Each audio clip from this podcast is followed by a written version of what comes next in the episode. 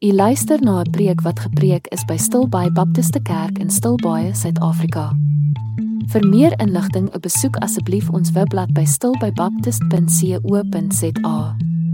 Mag u geseën word deur God se woord vandag.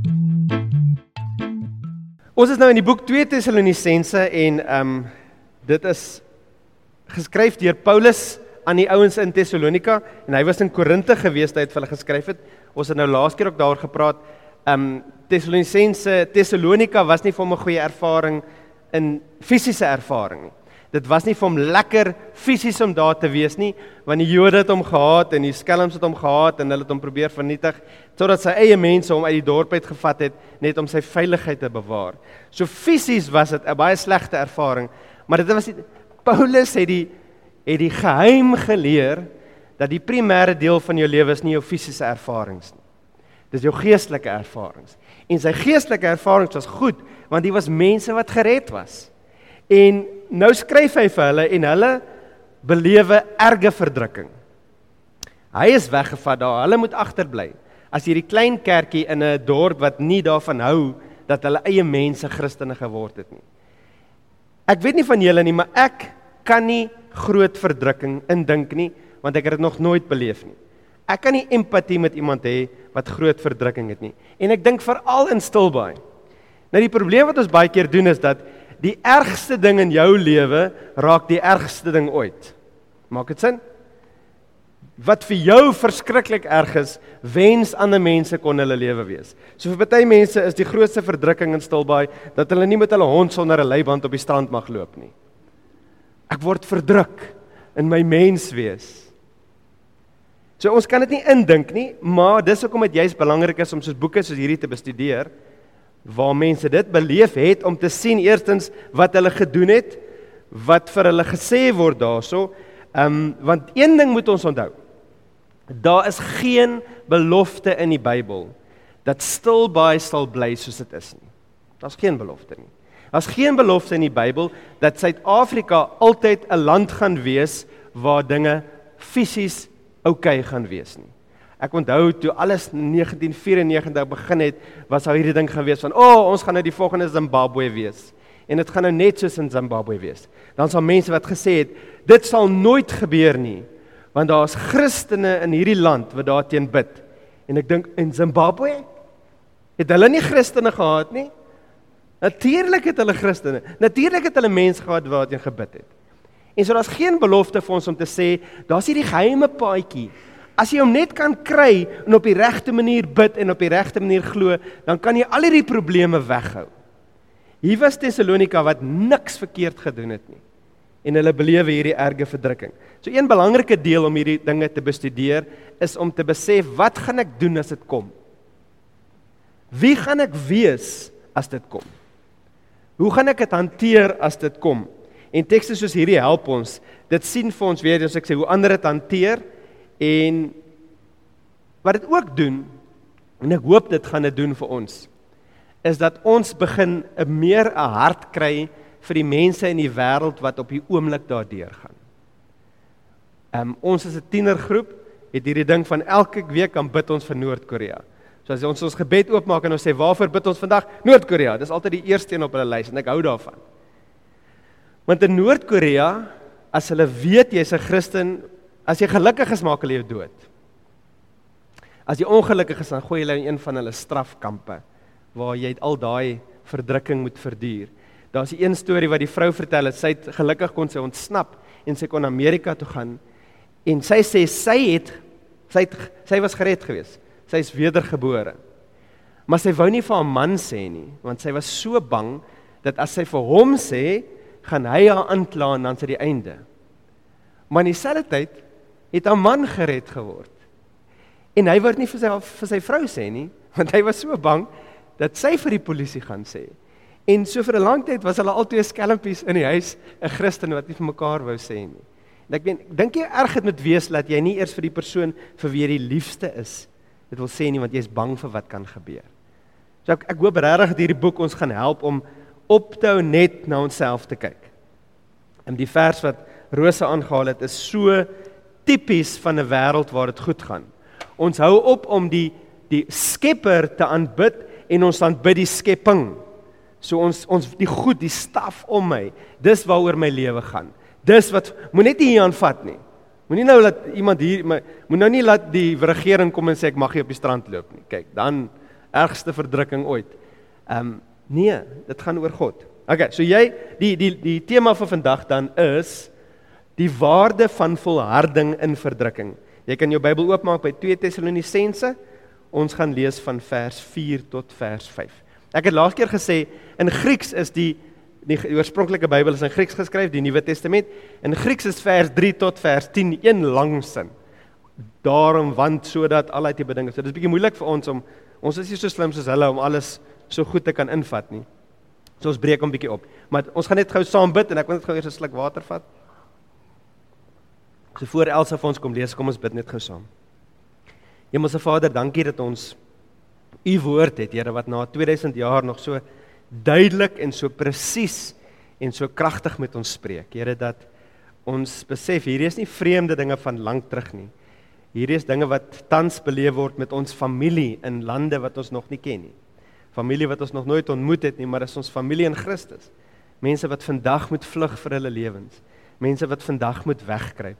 Mense wat vandag skelmpies moet bymekaar kom en een persoon het dalk 'n deeltjie van die Bybel waarna hulle kan kyk en en hulle harte kan warm word om u woord. Here, dankie vir die vryheid wat ons het. Laat ons nie die vryheid gebruik om onsself te aanbid nie, maar om u te eer en ander te help. Ons bid dit alles in die wonderlike naam. Amen. Dankie Elsa.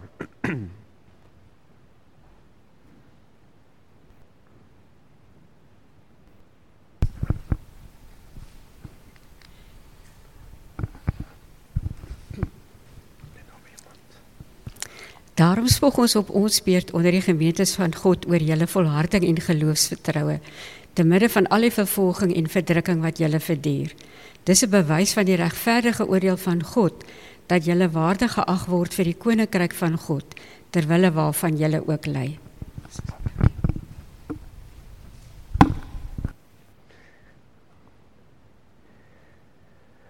So daarso in, in vers 4 sê Paulus dan daarom spog ons op julle beurt onder die gebetes van God oor julle volharding en geloofsvertroue te midde van al die vervolging en verdrukking wat julle verduur. Dit is bietjie vreemd vir ons as 'n as 'n westerse kerk. Ehm um, ek het nou net gepraat oor die kerk in Noord-Korea. Het enige van julle skielike begeerte gekry om te begin spog oor hulle? Ons reaksie is: "Hoet, asseblief net nooit by ons." asseblief hou dit net weg hierso. Paulus kyk na 'n kerk wat verdrukking verduur en hy spog oor hulle. Ehm um, weer dit ons reaksie is gaan jammer te wees of of dalk verwardheid. Here maar hoekom hoekom gebeur dit daar? Dalk is jy te veel beïnvloed deur die word faith movement dat jy vra, Here maar wat doen hulle verkeerd dat dit nou so sleg met hulle gaan? of ten minste net Here maar kyk hulle probeer so hard om U te volg en dit gaan nog steeds sleg met hulle. En so baie keer is ons reaksie as so iets gebeur dat hierdie kan nie God se wil wees nie. Hierdie moet Satan wees. Hierdie moet Satan wees wat nou weer 'n uh, plek gekry het. En dan begin ons bid deur vir God te vra, vat dit net weg asseblief, vat dit net weg. Is dit verkeerd om te bid vat dit weg? Miskien Wie sê ja? Wie sê ja, dis verkeerd om te bid dat jy dit wegvat? Wie sê nee? Wie steek nie hulle hand op in die kerk nie? Die antwoord is ja, maar dit kan nie jou enigste gebed wees oor die situasie nie. Jy mag bid dat dit weggevat word. Maar wat het Jesus gesê? Here, vat hierdie beker weg. As dit U wil is, laat U wil geskied. En dis dieselfde gebed wat ons moet bid bid in 'n situasie soos hierdie. Here, vat dit weg as dit U wil is. As dit U gaan eer bring. As daar iets anders is, is daar iets in die midde hiervan is wat U doen, dan sê Here, help my om sterk te staan. Help my om te groei. Help my om iets hier uit te leer. Um, ek onthou 'n paar jaar terug toe ons die I International Day of Prayer for the Persecuted Church. Dis 'n lang akroniem. En daai jaar was nogal baie besonder want die die die, die dan stuur die vervolgde kerk hulle gebedsversoeke na die res van die wêreld om vir hulle te bid. En daai jaar was die gebedsbesoek moet asseblief nie bid dat dit ophou nie. En ek sê wat? Moet asseblief nie bid want ons sien vir die eerste maal in ons lewe groei ons kerk en word mense ware Christene. Hoekom sal ons bid dat dit weggevat word? Ons bid nou al jare vir die kerk om te groei. Ons bid nou al jare vir mense om ware Christene te word. Dit gebeur nie. Hier kom verdrukking en dit gebeur uiteindelik. Miskien moet ons liewer dankie sê. Dis bietjie erg. Ons westerse kop bot so daarmee, nee. Ja. O, maak nie sin nie. Ehm um, Nou weer eens ek sê ons ons mag daarteen bid en dat die Here dit mag wegvat en miskien is dit sy wil. Baie keer is dit sy wil dat in die antwoord op 'n land wat bid, doen hy iets goeds. Ek onthou jare terug in Kaapstad toe al daai bomme geplant was. Ek weet nie wie van julle kan onthou daai tyd nie wat hulle die restaurante on goeders opgeblaas het. Toe die kerk bymekaar gekom by Nieuweland, ek dink dit was nog, en almal het saam gebid. En daar het nie een bom daarna ooit weer in die Kaap ontplof nie. Nie een nie. En so baie keer kan ons kom en ons sê Here, ons staan saam, ons bid hier teen en die Here doen 'n wonderwerk, maar baie keer doen hy nie. So dit is goed om daarvoor te bid. Wat nie goed is nie, is hierdie word face ding van ons neem en ons claim dit. Ons verklaar dat hierdie nou gaan ophou. Wie is jy? Al wat ek kan doen is om die Here te vra. Hy is die kragtige een, nie ek nie. So ek kan bid dat die Here iets daarom sal doen. OK. Nou om hierdie verdrukking te verstaan, hoekom sulke dinge gebeur, is dit is dit belangrik om te besef as ons praat oor God se perfekte wil en God se toegelate wil. Ek dink dit lyk dan reg gespel daar. God se perfekte wil en God se toegelate wil. So God se perfekte wil is dit wat hy sê hy wil hê moet gebeur. So hierdie is sy opdragte aan ons. Wees lief vir jou vrou. Um al daai dinge wat jy as jy dit doen, dan lewe jy in God se perfekte wil. God se toegelate wil is wanneer dinge gebeur wat God nie in sy woord gesê het moet gebeur nie, maar hy laat dit toe om te gebeur. Nou, wat is voorbeelde hiervan? Byvoorbeeld ek het nou dag met iemand gepraat wat geskei was van hulle man en vrou. En hulle kyk nou terug en hulle sê dit was so verkeerd vir my om dit te doen. Nou dat ek beter verstaan, verstaan ek daai was verkeerd, maar in God se toegelate wil het hy nog steeds vir my genade gewys en nou is ek op 'n beter plek in my lewe. En so God laat baie dinge in hierdie wêreld toe wat nie sy perfekte wil is nie. Onthou hy kan enigiets stop. Daar's niks wat gebeur wat buite God se toegelate wil is nie. Satan kan nie kom en sê ek wil dit doen en God sê ek wil dit eintlik regtig nie hê nie. Satan sê, "Wel, ek gaan dit doen." Hy kan nie. Onthou die storie van Job? Hy moes heeltyd vir God kom vra het, mag ek dit doen? Mag ek nou vir Job se huis laat omval? Mag ek nou vir Job siekte hê? So alles alles alles wat in hierdie wêreld gebeur, gebeur net omdat God dit toelaat. Al is dit nie altyd deel van sy perfekte wil nie. Nou nou gaan ek vir julle 'n paar vrae daaroor vra. Watter van hierdie een of twee of albei bereik God se doel vir die wêreld? dat dat die einde gaan kom en alles wat hy sê gaan gebeur soos dit gaan alles werk ten goeie mee daai tipe ding alles alles daarvan dis die vers wat sê alles werk ten goeie mee daai voorbeeld wat ek nou net genoem het jy kan iets doen wat teen God se wil is maar hy sal dit net so ver toelaat dat hy steeds sy planne kan volbring want andersins kan hy geen beloftes oor die toekoms maak nie As daar dinge gebeur wat buite God se beheer is, hoe kan hy beloof dat aan die einde gaan hy weer kom en hy gaan sterk genoeg wees om die anti-kris te oorwin? Al daai tipe dinge as hy nie in beheer is nie. Nou die volgende vraag is watter een van hierdie twee gebruik vir God vir goed in jou lewe? Jou vraag moet wees wat bedoel jy met goed? Ja. Wat bedoel jy met goed? Wel, jou ervaring van God bepaal of jy daar is. Die oomblik wat ek daar lewe, is God se wil vir my nog steeds in beheer. Ja, ek stap nie so ver weg dat hy nie meer beheer oor my het nie. Maar ek kies om op 'n plek te wees waar ek nie altyd die goedheid van God ervaar nie. En moenie fisies goedheid dink nie. Moenie dink hierso gaan ek 'n Mercedes kry, hier gaan ek met my voete moet loop nie. Nee, dit werk nie so nie. Die goedheid van God. Nou die voorbeeld, baie goeie voorbeeld in die Bybel is Jona. Hier kom ons het Woensdag daaroor gepraat. Hier kom Jona en God kom by Jona en wat sê hy vir hom? Gaan na Ninive toe. Wat moet hy doen? Vertel vir hulle, hulle is besig om sonde te doen en hulle moet luister. So in hierdie prentjie, wat was God se perfekte wil vir Jona? Wat moes hy doen?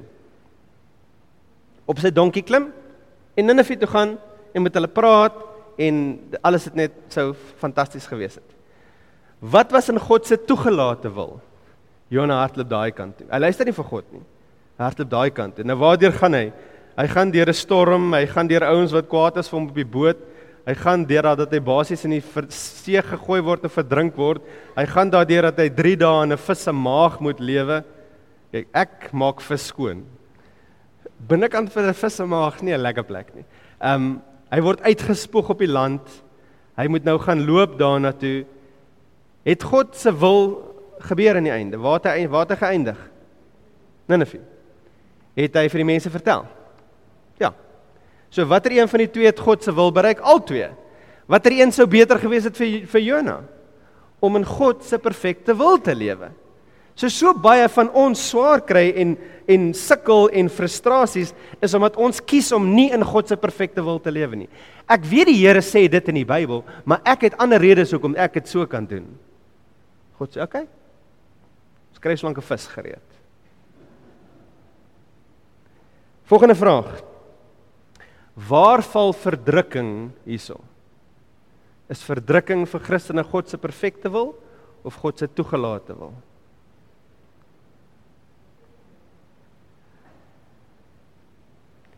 Een manier om hierdie vrae te antwoord is wat gaan in die ewigheid wees en wat was in die tuin van Eden? Want die tuin van Eden en die ewigheid is in die sfeer van God se perfekte wil. So verdrukking is iets wat God toelaat en hy kry goeie goeders daardeur. Maar hy sit nie daar en dink, "Wie kan ek vandag verdrukking gee? Ooh, dit gaan so lekker wees." Dis nie wie hy is nie.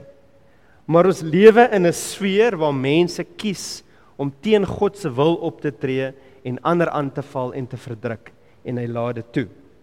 OK. Ehm um, ja, soos ek sê, die, die enigste manier om te dink is ons ons is op pad soontoe. En die ewigheid gaan ons in God se perfekte wil wees waar alles gaan wees presies soos hy dit wil hê. OK, so nou terug na na na um Paulus toe. Waarom spog hy oor hulle? Eerstens omdat hy weet God is in beheer en daar's geen rede vir wanhoop nie. En hy weet God gaan dit teen goeie meewerk. Maar die ding waaroor hy eintlik oor hulle spog is nie die verdrukking nie, dis hoe hulle groei in die verdrukking. Dis waaroor hy spog. Hy spog nie oor die verdrukking nie. So waarvan is dit 'n teken? Hoe en dit die vers sê vir ons dit. Die vers sê hier dit is 'n bewys so julle volharding in te midde van verdrukking is 'n bewys van die regverdige oordeel van God dat julle waardig geag word vir die koninkryk van God ter wille waarvan julle ook ly. Nou dit dis 'n mondvol. Wat probeer hy sê? Wat bedoel hy met die bewys van die regverdige oordeel van God? Uit die konteks is daar twee dinge wat hy bedoel. Die eerste ding wat hy bedoel is Dit is 'n teken dat God julle geoordeel het as regverdig as gevolg van wat Jesus gedoen het. Dis nie julle nie julle dade wat die regverdige oordeel veroorsaak het nie. Nog steeds 'n mondvol.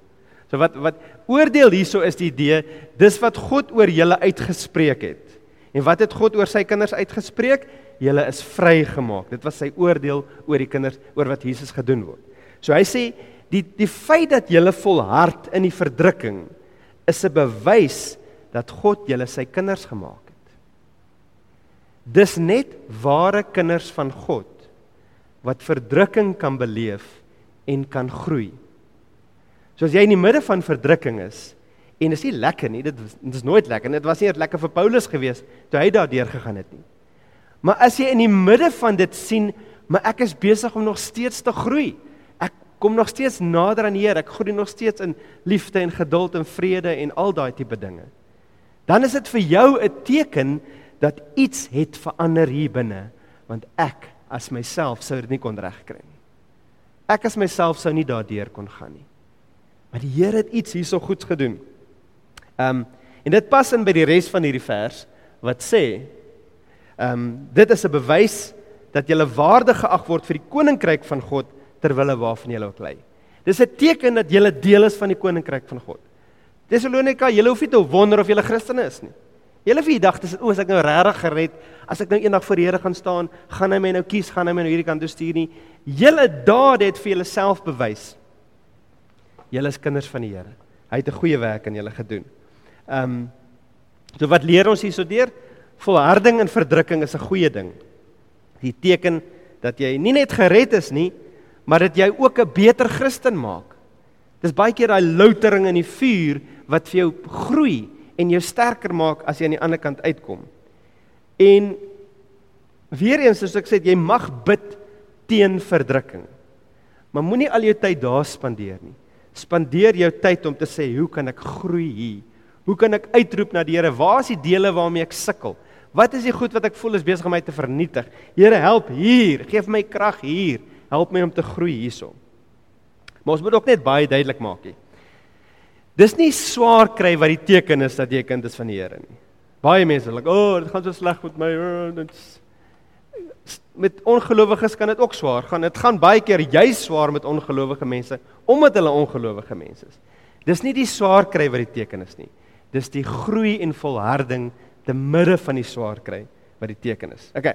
So die tweede manier hoe ons daai teks kan verstaan is dit Waardeur jy gaan gaan as bewys dien eendag dat God regverdig oordeel wanneer hy eendag terugkom en die gaan straf wat julle nou onreg aandoen. Dis waarna ons volgende week gaan kyk want hy hy brei nou 'n bietjie daarsoop uit. Maar wat hy basies vir hulle sê is ouens, ek weet dit gaan moeilik met julle. Ek weet dit voel amper asof dit te veel is. Maar julle moet besef Jesus gaan eendag terugkom. En as hierdie ouens wat julle nou verdrukking gegee het, nie bekeer het teen daai tyd nie, gaan hy hulle oordeel. Hy gaan hulle straf. Ons sê baie keer ehm um, daai vers in die Bybel waar die Here sê moenie wraak neem nie. Ehm um, nou baie mense wil dit so lees dat die Here sê ag kom nou kom net oor dit. Hou op om so aan te gaan oor hierdie dinge wat met jou gebeur het. Wie is jy nou om wraak te neem? Stop dit net. Dis nie so belangrik nie. En dis presies wat daai teks nie sê nie. Die teks sê Wat met jou gebeur het is so erg. Ek wil nie hê jy moet iets daaraan doen nie, want jy gaan net droog maak. Ek gaan iets daaraan doen. Wraak kom my toe, sê God. So as jy vandag hierso sit en iemand het doelbewus jou seer gemaak in jou lewe en hulle het nie 'n saak nie. Hulle lewe die lewe voluit asof daar nooit iets gebeur het nie. En jy staan hier en dink, "Maar Here, hoe werk dit?" Hoe op aarde kan ek as kind van die Here hierso is en ek is die een wat swaar kry en die persoon wat my seer gemaak het lewe die lewe? Dan sê die Here: Wag net. Wag net. Ek sal terugkom en ek gaan sorg dat regverdigheid geskied. Ek gaan sorg dat jy gestraf word wat nie nou gestraf word Nou dit kan op 'n persoonlike vlak wees, dit kan op 'n vlak van jou familie wees, dit kan op 'n vlak van 'n land wees, dit kan op 'n vlak van die wêreld wees. Almal wat onreg doen teenoor die wat swaar kry, die Here staan nie terug en sê ek gaan niks daaraan doen nie. Hy sê net ek gaan nie iets nou daaraan doen nie. Ek gaan daarby uitkom.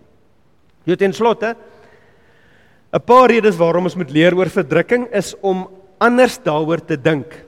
Ons moet regtig al hierdie word faith nonsens uit ons koppe uitkry wat sê dat die Here wil hê dit moet altyd goed gaan met ons in terme van ons fisiese ervaring.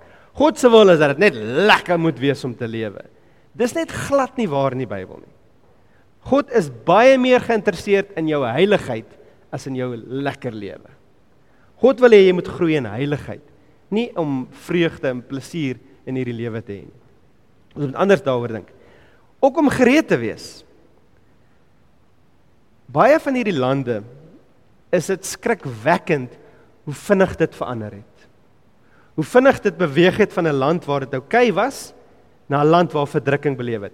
As jy nou foto's gaan kyk van plekke soos Irak en Saudi-Arabië in die 1960s, gaan doen jouself 'n guns.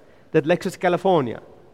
Soos die mense daar en in 'n kort tydjie het die moslems die wat hulle ook self noem het ingekom en daai hele wêreld verander onderdrukking ingebring vir vrouens en kinders en almal wat nie moslems is nie. Dit kan bitter vinnig in Suid-Afrika ook gebeur. Daar's geen belofte vir ons dat ons daarteen um beskerm is nie. So ons moet gereed wees. Um maar ook soos ek gesê het om te bid vir ander wat swaar kry. Veral vir Christene wat swaar kry. Nou die oorlog in Gaza en Israel um wat my die meeste bekommerd maak, ek praat nou nie van die oorlog en wat hulle beleef nie. Ek praat van ons belewenis van hulle oorlog. Wat my die meeste bekommerd maak, is dat dit nou net weer die COVID en stof van vooraf is. Dit verdeel nou weer die kerk in twee. Ons is nou pro-Israel en ons is nou pro-Palestina en staf. En Satan lag al die pad. Ek kry die kerk verdeel. Wat is ons primêre Nou weer eens daar's baie elemente aan wie aangeval word, nie aangeval moet word nie. Ek praat nie daarvan nie. Wat is ons primêre rol hierin? Ek onthou het ek met die tieners een keer gepraat het, toe sê ek aan wiese kant is ons? Toe sê hulle Israel, sê ek, "Nope." O, net so groot. Sê hulle, "Uh, Gaza," sê ek, "Nope." Aan wiese kant is ons? Ons is aan God se kant. En God se primêre doel is dat elke persoon in Israel wat hom nie ken nie, hom leer ken. En dat elke persoon in Gaza wat hom nie ken nie, hom leer ken. En hy sal enigiets toelaat om daai doel te bereik. Nou weer eens, dis nie die hele opsomming van die situasie nie, daar's baie meer dinge om oor te dink.